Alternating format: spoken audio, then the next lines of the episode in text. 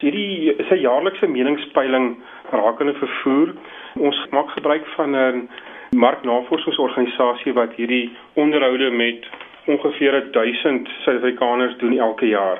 Watter tipe vrae is aan die respondente gestel?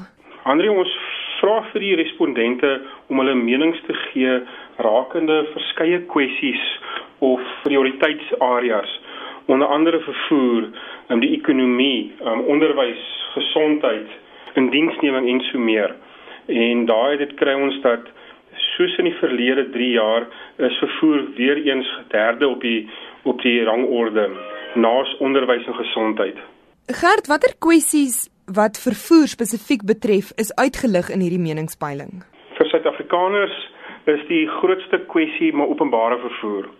Ons sien dit ook in die vorige jare waar dit nie net gaan oor die beskikbaarheid van openbare vervoer nie, maar ook oor die kwaliteit en toeganklikheid en die en die um, frekwensie van dienste wat hulle in hulle um, plaaslike areas dan ontvang.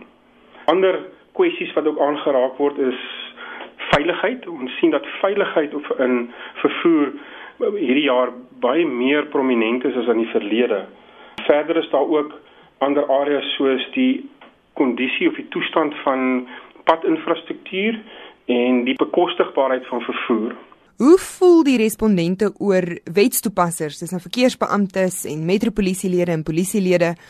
Dink hulle padreëls en wetgewing word goed genoeg afgedwing en nagevolg? Ander rakende wetstoepassing en die nakoming van verkeerswette is die respondente maar bietjie verdeel daaroor. Ons sien dat in ons metropolitaanse gebiede is daar 'n hoër vlak van gevoel van nie nakoming van wette nie ons sien ook interessant dat dat die verskillende ouderdomsgroepe is wetstoepassing dan ook verskillend word dit verskillend geag. Hoe die ouer respondente voel weer eers so die wetstoepassing is is, is sleg en daar is 'n uh, swak kultuur van nakoming van verkeerswette. Ons jonger bevolking voel weer dat daar weer streng wetstoepassing plaasvind. Maar oor die algemeen voel al ons landsburgers dat daar miskien 'n bietjie van 'n strenger wetstoepassing kan wees. Hoe vergelyk die uitkoms van vanjaar se meningspeiling met meningspeilings wat in die verlede gedoen is?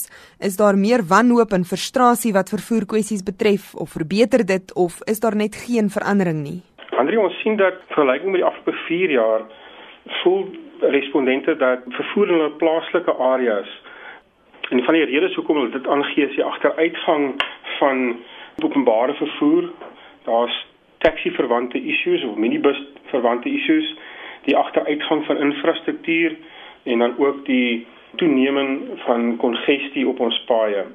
Interessant genoeg eh, nog 'n verskyning wat hierdie jaar op ons um, meningspeiling uitgekom het is um, onverantwoordelike bestuurders. En dit sluit weer aan by die respondente se gevoel oor wetstoepassing en die nakoming van verkeerswette. Dit beïnvloed dan weer ook die veiligheid wat ons respondente dan ervaar um, as hulle openbare vervoer gebruik ook. Maar Gert, waar dink jy lê die oplossings? Hoe verbeter mens die situasie met vervoer in die land? Ons sien dat openbare vervoer se toeganklikheid en kwaliteit en gereeldheid aangespreek moet word.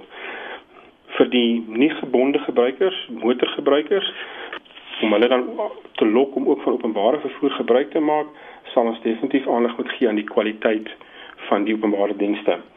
Dit is belangrik dat taxi, busse en alle vervoermodes dan geïnkorporeer moet word, geïntegreerde vervoer stelsel om die behoeftes van die metropolitaanse en ook die plattelandse gebruikers dan aan te spreek.